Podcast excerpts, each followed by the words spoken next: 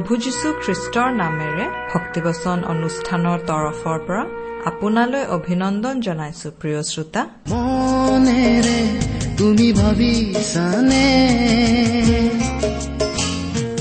কোনো নাই কুতুমৰ কতো নাই জগতৰ যিচুৰ বাদে কোনো নাই।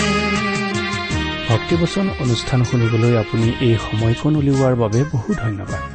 আজিও আমি আপোনালৈ লৈ আহিছো প্ৰভু যীশুৰ বাণী আৰু বাইবেলৰ জীৱনদায়ক কথাৰ শিক্ষামূলক অনুষ্ঠান ভক্তিবচন আশা কৰো আপুনি এই অনুষ্ঠানৰ যোগেৰে আশীৰ্বাদৰ কথাবোৰ উপভোগ কৰিব পাৰিছে।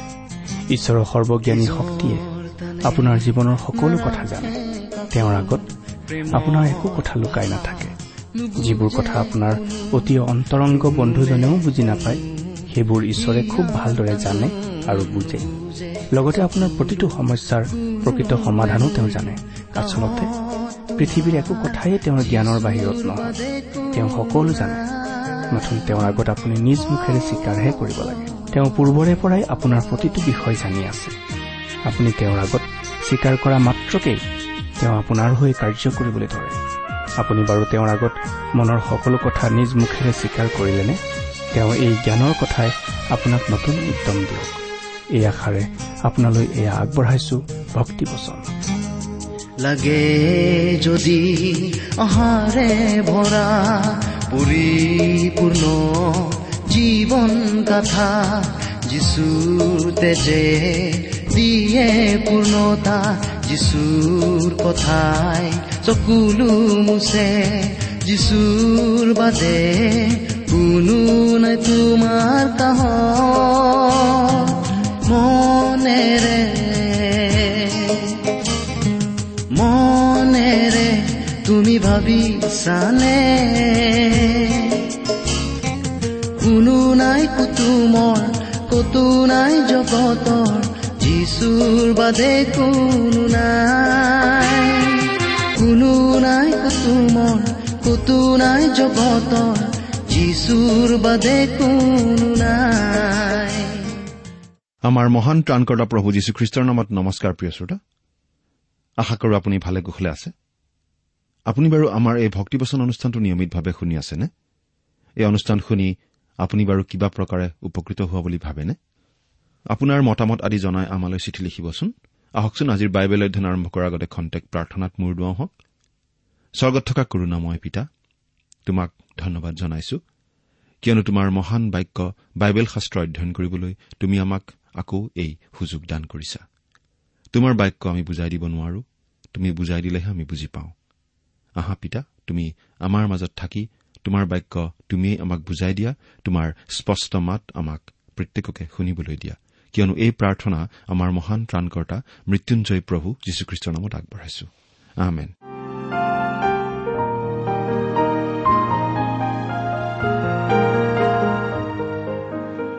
প্ৰিয় শ্ৰোতা আপুনি বাৰু আমাৰ যোৱা অনুষ্ঠানটো শুনিছিল নে আমি বাৰু বাইবেলৰ কোনখন পুস্তকৰ এতিয়া অধ্যয়ন চলাই আছো? আপোনাৰ মনত আছেনে? আপোনালোকে কিজানি ভাবিব পাৰে যে সদায়নো এই প্ৰশ্নটো আমি কিয় কৰো? আচলতে আমি এই অনুষ্ঠানৰ যোগেৰে বাইবেলখন ধাৰাবাহিকভাৱে অধ্যয়ন কৰি গৈ আছো গতিকে আগতে কি অধ্যয়ন কৰিছিলো সেই কথাটো অলপ মনত পেলাই লোৱাটো ভাল হয়। আজি আমি ভালেমান দিন ধৰি বাইবেলৰ পুৰণি নিয়ম খণ্ডৰ উপদেশক নামৰ পুস্তকখন অধ্যয়ন কৰি আছো। আৰু যোৱা অনুষ্ঠানত আমি এই উপদেশক পুস্তকখনৰ সাত নম্বৰ অধ্যায়ৰ শেষৰটো পদলৈকে পঢ়ি আমাৰ আলোচনা আগবঢ়াইছিলো। সেই কথা আপোনাৰ নিশ্চয় মনত আছে যদিহে আপুনি আমাৰ যোৱা অনুষ্ঠানটো শুনিছিল।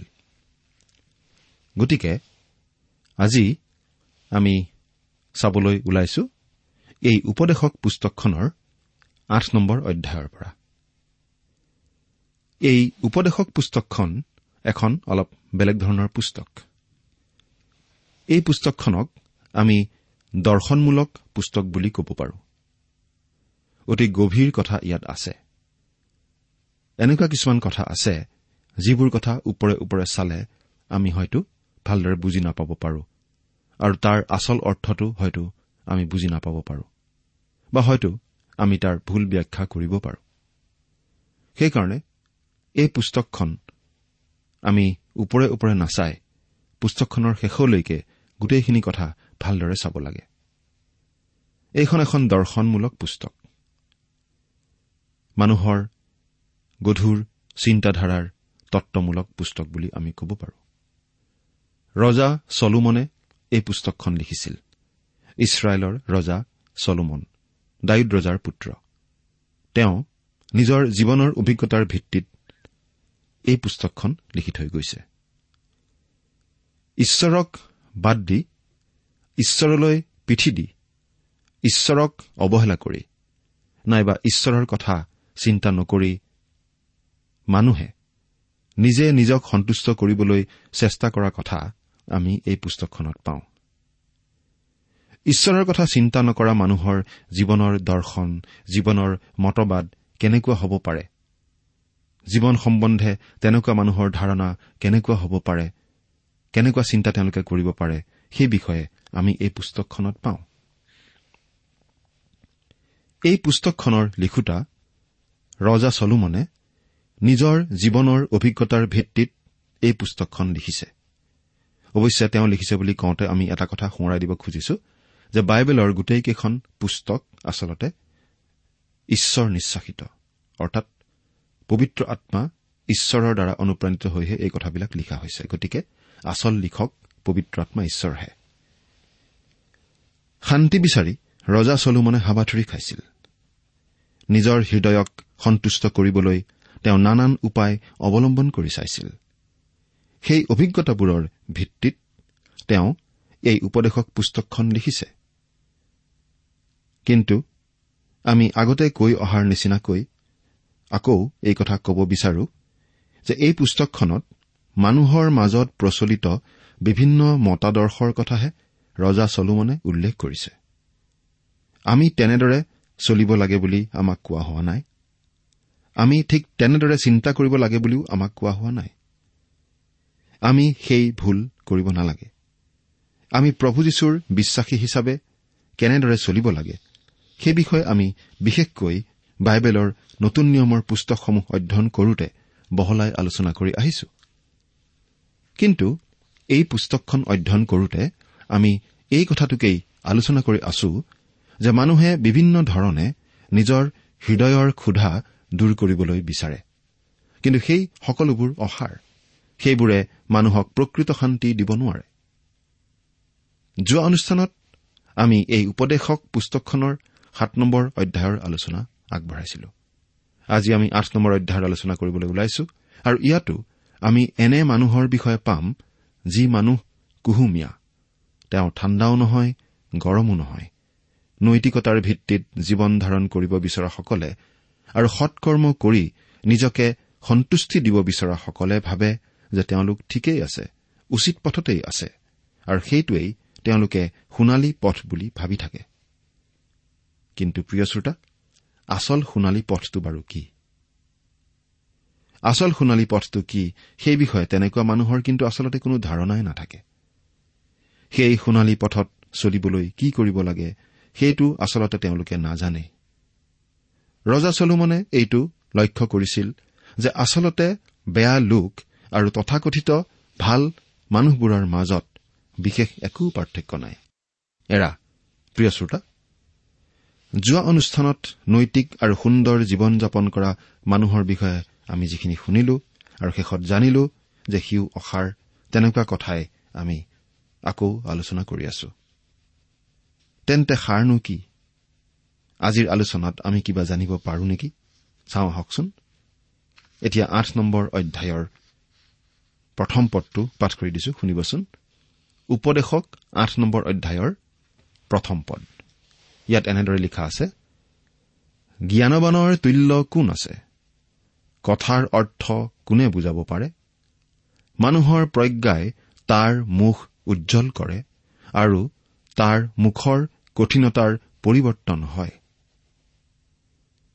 প্ৰিয় শ্ৰোতা প্ৰভু যীশুখ্ৰীষ্টই হ'ল প্ৰকৃত জ্ঞান আৰু প্ৰকৃত প্ৰজ্ঞা। প্ৰভু যীশুখ্ৰীষ্টইহে মানুহৰ জীৱন সলনি কৰিব পাৰে। প্ৰভু যীশুখ্ৰীষ্টক যিজনে নিজৰ জীৱনৰ পৰিত্ৰাতা আৰু উদ্ধাৰকৰ্তাৰূপে গ্ৰহণ কৰিছে তেওঁৰ জীৱন পৰিৱৰ্তিত হৈছে। তেওঁ জীৱনত প্ৰকৃত সুখ প্ৰকৃত শান্তি প্ৰকৃত আনন্দ বিচাৰি পাইছে। তেওঁৰ পৰা পোৱা সুখ শান্তি জাগতিক নহয়। প্ৰভু যীশুৱে যি সুখ শান্তি আমাক দিয়ে সি স্বৰ্গীয়। তেওঁহে আমাক মৃত্যুৰ পাছৰ অনিশ্চয়তা আৰু অস্থিৰতাৰ পৰা উদ্ধাৰ কৰিব পাৰে। নিশ্চয়তা তেওঁ আমাক দিব পাৰে। আমি সুখে সন্তোষে ভৰা সফল আৰু পৰিপূৰ্ণ জীৱন যাপন কৰিবলৈ আমাক যি সকলো লাগে সেই সকলো কেৱল তেওঁহে যোগাব পাৰে। এতিয়া দুই আৰু তিনি নম্বৰ পদ দুটা পাঠ কৰি দিছো শুনিবচোন। মই তোমাক পৰামৰ্শ দিওঁ তুমি ৰজাৰ আজ্ঞা পালন কৰা। ঈশ্বৰৰ শপতৰ কাৰণেই তাক কৰা। তেওঁৰ আগৰ পৰা গুচি যাবলৈ লৰালৰি নকৰিবা। মন্দ বিষয়ত লাগি নাথাকিবা কিয়নো তেওঁ নিজ ইচ্ছাৰ দৰে সকলোকে কৰে। ইয়াত আমাক এটা গুৰুত্বপূৰ্ণ ব্যৱহাৰিক উপদেশো দিয়া হৈছে যে আমি ৰজাৰ আজ্ঞা পালন কৰিব লাগে আমাৰ ওপৰৱালাৰ আজ্ঞা পালন কৰিব লাগে দেশৰ নীতি নিয়ম আইন আদি মানি চলিব লাগে। ইয়াত চলোমনে কৈছে যে আমি যি যি কৰো বা যি যি কওঁ তাৰ প্ৰতি সতৰ্ক হ'ব লাগে। আমি অসাৱধান হলে আমাৰ সহজেই বিপদ আহিব পাৰে। আমি কিবা এটা কথাৰ কৰাৰ আগতে বা কিবা এটা কথা কোৱাৰ আগতে কিবা এটা সিদ্ধান্ত লোৱাৰ আগতে সাৱধান হ'ব লাগে। এতিয়া চাৰি নম্বৰ পদৰ পৰা একেবাৰে সাত নম্বৰ পদলৈকে পাঠ কৰি দিম। কাৰণ ৰজাৰ বাক্য প্ৰবল। আৰু আপুনি কি কৰিছে বুলি তেওঁক কোনে ক'ব পাৰে? যি মানুহে আজ্ঞা পালন কৰে তালৈ অমংগল নঘটে। কিন্তু জ্ঞানবানৰ মনে হলে সময় আৰু সুদবিচাৰ হ'ব বুলি জানে। কিয়নো প্ৰত্যেক বিষয়ৰে সময় আৰু সুদবিচাৰ আছে। কাৰণ মানুহৰ দুষ্টতা অতিশয় অধিক হৈ পৰে। কিয়নো কি ঘটিব তাক তেওঁ নাজানে কাৰণ কি প্ৰকাৰে সেই ঘটিব ইয়াকে তেওঁক কোনে জনাব পাৰে? প্ৰিয় শ্ৰোতা ৰজাই যি উচিত বুলি ভাবে তাকে তেওঁ কৰিব পাৰে। যি কৰিবলৈ তেওঁ ইচ্ছা কৰে তাকেই কৰিব পাৰে। তেওঁক বাধা দিওঁতা আচলতে কোনো নাই। তেনে ক্ষমতা ৰজাৰ আছে। যি বিচাৰে তাকেই কৰাৰ স্বাধীনতা তেওঁৰ আছে। আপুনিও ৰজাৰ দৰে থাকিব পাৰে আৰু খ্ৰীষ্টৰ হকে থিয় হ'ব পাৰে। আপুনিও খ্ৰীষ্ট ৰজাৰ ওচৰত শৰণাপন্ন হ'ব পাৰে আৰু ৰজাৰ নিচিনাকৈ থাকিব পাৰে। আজি ডেকা গাভৰুসকলে পৰাধীন জীৱন ভাল নাপায়। কোনো ধৰণৰ নিয়ন্ত্ৰণত থাকি তেওঁলোকে ভাল নাপায়। কোনো বাধ্য বাধকতা তেওঁলোকে ভাল নাপায়। তেওঁলোকে মুক্তি বিচাৰে আৰু মুক্তি উপভোগ কৰাৰ নামত নিজৰ পচন্দমতে সাজ পোছাক পিন্ধে বিভিন্ন ঠাইলৈ যায় আৰু বিভিন্ন মানুহৰ লগত সহভাগিতা ৰাখে।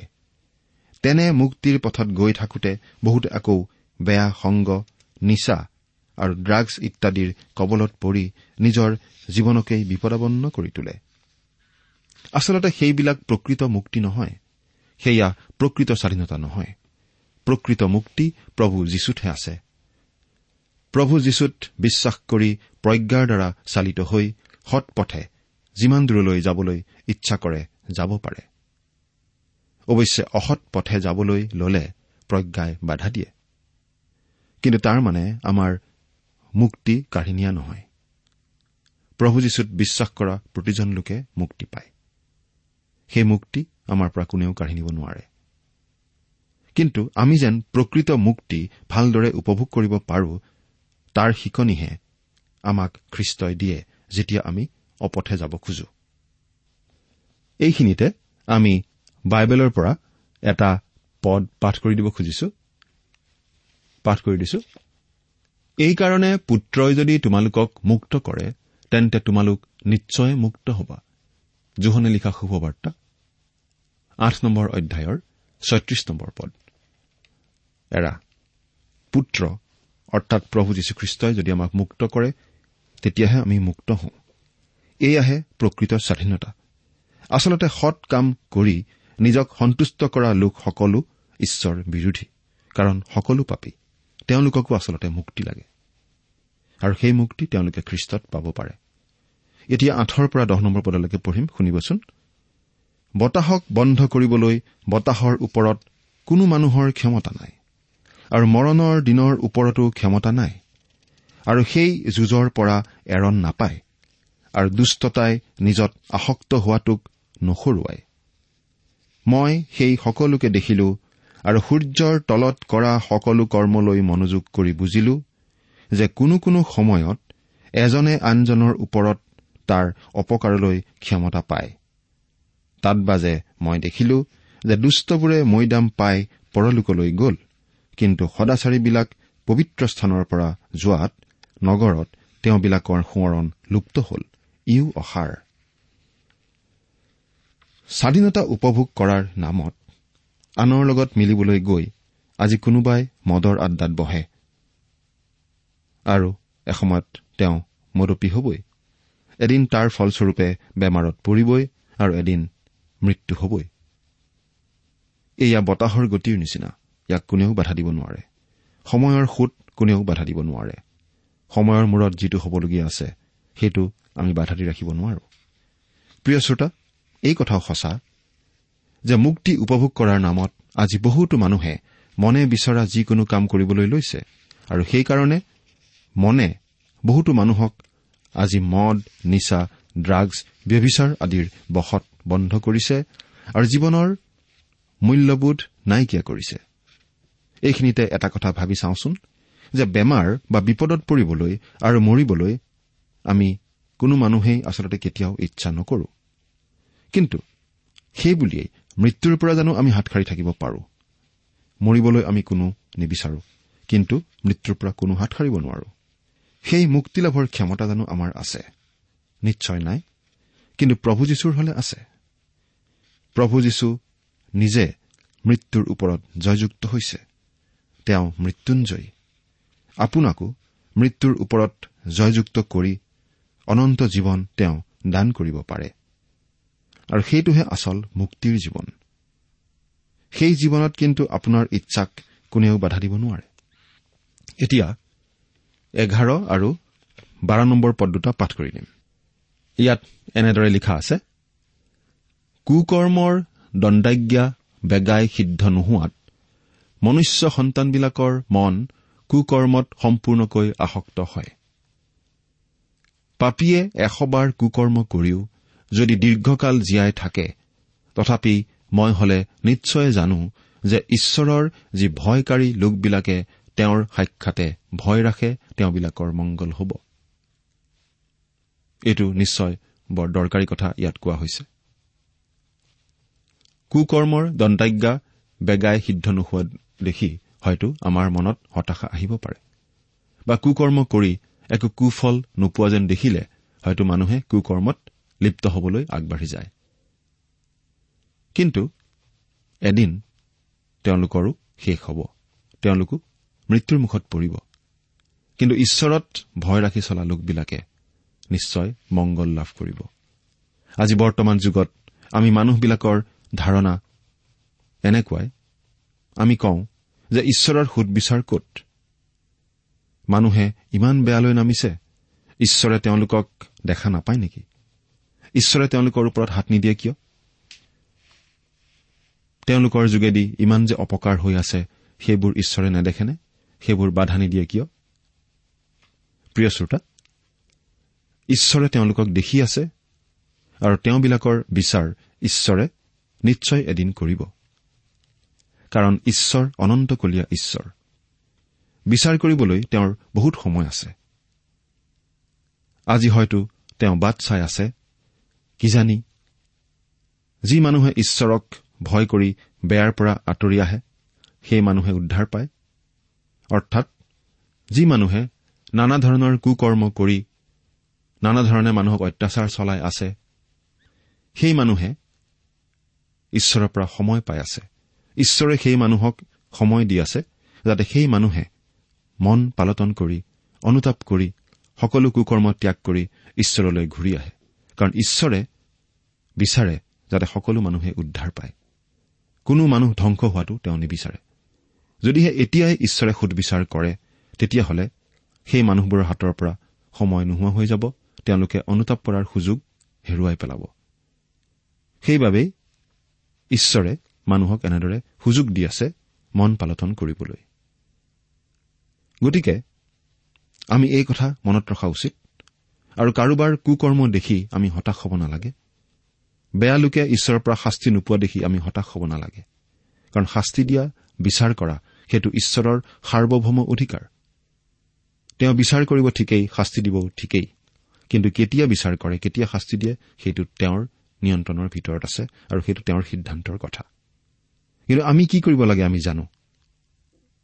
আমি জানো যে আমি সময় থাকোঁতেই ঈশ্বৰলৈ ঘূৰিব লাগে কুপথ ত্যাগ কৰিব লাগে। মৃত্যু আহি পালে আমি হয়তো সেই সুবিধাৰো নাপাওঁ। সেয়েহে আমাৰ সময় আমাৰ হাতত থাকোঁতেই ঈশ্বৰক আমি ভয় কৰিবলৈ শিকা উচিত। বাইবেলত এই বুলি লিখিছে পাঠ কৰি দিছো দ্বিতীয় কৰিন্থিয়া ছয় নম্বৰ অধ্যায়ৰ দুই নম্বৰ পদ। ইয়াত এনেদৰে লিখা আছে কিয়নো তেওঁ কৈছে মই গ্ৰাহ্যকালত তোমাৰ প্ৰাৰ্থনা শুনিলো আৰু পৰিত্ৰাণৰ দিনা তোমাৰ উপকাৰ কৰিলো। চোৱা এতিয়া পৰম গ্ৰাহ্যকাল চোৱা এতিয়া পৰিত্ৰাণৰ দিন। এৰা এয়েই পৰিত্ৰাণৰ দিন। এই পৰিত্ৰাণৰ দিন আমাৰ বাবে ঈশ্বৰে ৰাখিছে। এই সময় আমাৰ বাবে তেওঁ দিছে আৰু এই সময় থাকোঁতেই আমি ঈশ্বৰৰ কথালৈ কাণ দি প্ৰভু যীশুক আমাৰ জীৱনৰ ত্ৰাণকৰ্তা বুলি গ্ৰহণ কৰি সেই পৰিত্ৰাণ গ্ৰহণ কৰা উচিত। কাৰণ সেই দিনৰ কেতিয়া অন্ত পৰিব আমি কোনেও নাজানো। আৰু সেই দিন চলি থাকিলেও আমাৰ জীৱনৰ কেতিয়া অন্ত পৰিব সেইটোও আমি নাজানো। আৰু মৃত্যুৰ পাছত আমি সেই সুবিধা গ্ৰহণ কৰাৰ আৰু নিশ্চয় সুবিধা নাপাম। এতিয়া তেৰ আৰু চৈধ্য নম্বৰ পদ দুটা পাঠ কৰি দিম। শুনিবচোন। কিন্তু দুষ্ট লোকৰ মংগল নহব আৰু সি নিজৰ চাহৰূপ আয়ুস বৃদ্ধি নকৰিব কাৰণ সি ঈশ্বৰৰ সাক্ষাতে ভয় নাৰাখে। পৃথিৱীত এই অসাৰতা চলি আছে। যে কোনো কোনো ধাৰ্মিক লোকলৈ দুষ্টবোৰৰ কৰ্ম অনুসাৰে ঘটে আৰু কোনো কোনো দুষ্ট লোকলৈ ধাৰ্মিকবিলাকৰ কৰ্ম অনুসাৰে ঘটে। মই কলো ইও অসাৰ প্ৰিয় শ্ৰোতা এই পদ দুটাৰ মাজেৰে আচলতে বাৰু কি কবলৈ বিচৰা হৈছে? আমি ওপৰা ওপৰিকৈ জগতৰ মানুহবিলাকলৈ যদি চাওঁ তেতিয়াহ'লে আমাৰ এনেকুৱা লাগে যে দুষ্ট আৰু ধাৰ্মিক মানুহৰ মাজত বিশেষ একো পাৰ্থক্যই নাই। দুষ্ট মানুহবিলাকলৈ যি ঘটে ধাৰ্মিকবিলাকলৈও একেই ঘটাৰ নিচিনা আমাৰ লাগে। গতিকে জাগতিক দৃষ্টিত ধাৰ্মিক আৰু দুষ্টৰ মাজত পাৰ্থক্য নথকাৰ নিচিনাই লাগে। কিন্তু প্ৰিয় শ্ৰোতা জাগতিক দৃষ্টিত যদিও ধাৰ্মিক আৰু দুষ্টৰ মাজত পাৰ্থক্য নথকা যেন আমাৰ লাগে আচলতে কিন্তু পাৰ্থক্য আছে আম্মিক দৃষ্টিকোণৰ পৰা। জীয়াই থকা কালত আমি এই কথা নুবুজিলেও মৃত্যুৰ পাছত নিশ্চয় বুজিম। কিন্তু তেতিয়া সংশোধন কৰাৰ কোনো উপায় আমাৰ হাতত নাথাকিব।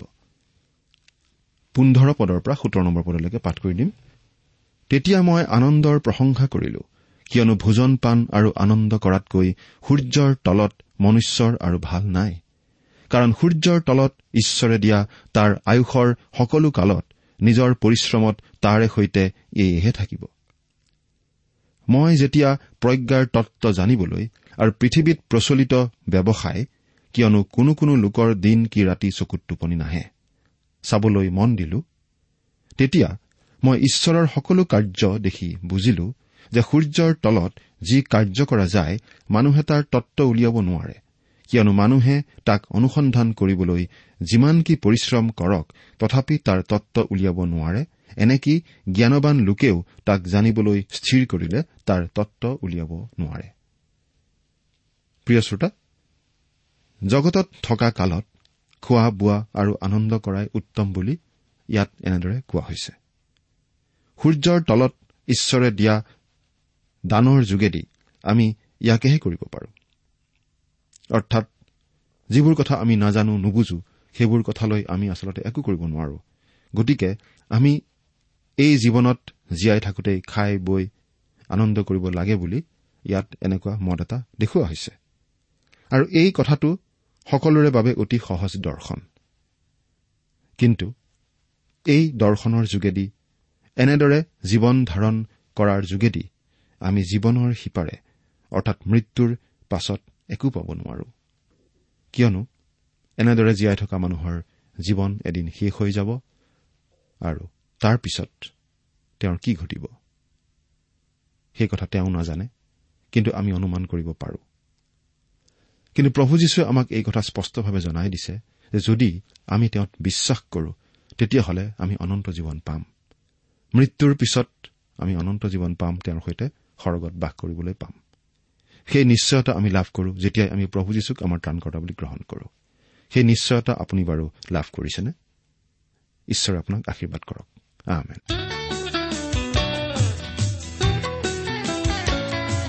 প্ৰিয় শ্ৰোতা ইমান পৰে আপুনি বাইবেল শাস্ত্ৰৰ পৰা ঈশ্বৰৰ বাক্য শুনিলে।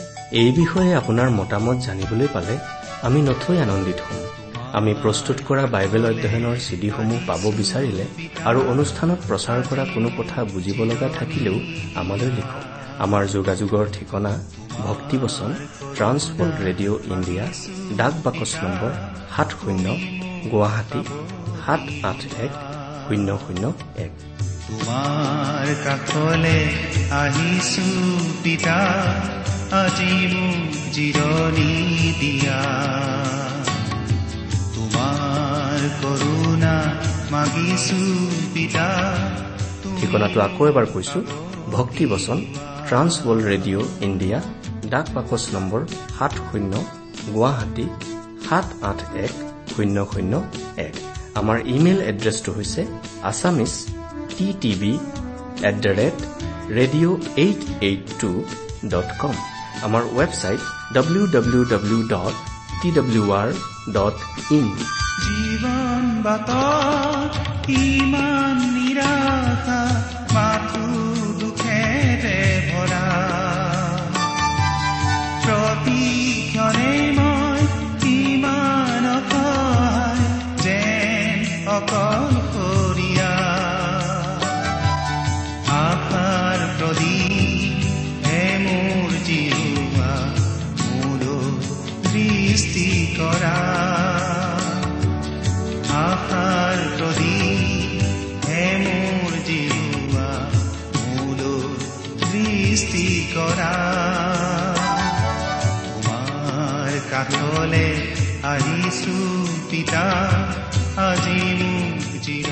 আপুনি টেলিফোনৰ মাধ্যমেৰেও আমাক যোগাযোগ কৰিব পাৰে। আমাৰ টেলিফোন নম্বৰটো হৈছে nine eight five four zero' four zero' eight eight nine. Phone নম্বৰটো আকৌ এবাৰ কৈছো ন আঠ পাঁচ চাৰি শূন্য চাৰি শূন্য আঠ আঠ ন। আপুনি এই ভক্তিবচন অনুষ্ঠানটি আমাৰ website W W W dot radio' eight eight two dot কমতো শুনিব পাৰিব। আজিৰ অনুষ্ঠানটি ইমানতে সামৰিছো। ঈশ্বৰৰ শান্তি আৰু অনুগ্ৰহ আপোনাৰ লগত থাকক। ধন্যবাদ। মোৰে জীৱন আজি সপিলো যিছু তোমাৰে কাষ। প্ৰতিশ্ৰুতি মোৰ তোমাৰ চৰণত চলিম তোমাৰে পথ। মাথো আজি তোমাৰ প্ৰেমেৰে জীৱন পূৰ্ণ কৰা মাথো আজি তোমাৰ প্ৰেমেৰে জীৱন পূৰ্ণ কৰা তোমাৰ কাষলে আহিছো পিতা আজি মোক জিৰণি দিয়া। তোমাৰ কৰোণা মাগিছো পিতা তুমি মোক সাৱতি লোৱা তোমাৰ কাষলে আহিছো পিতা আজি মোক জিৰণি দিয়া। তোমাৰ কৰোণা মাগিছো পিতা তুমি মোক সাৱতি লোৱা তুমি মোক জিৰণি দিয়া। তুমি মোক সাৱতি লোৱা।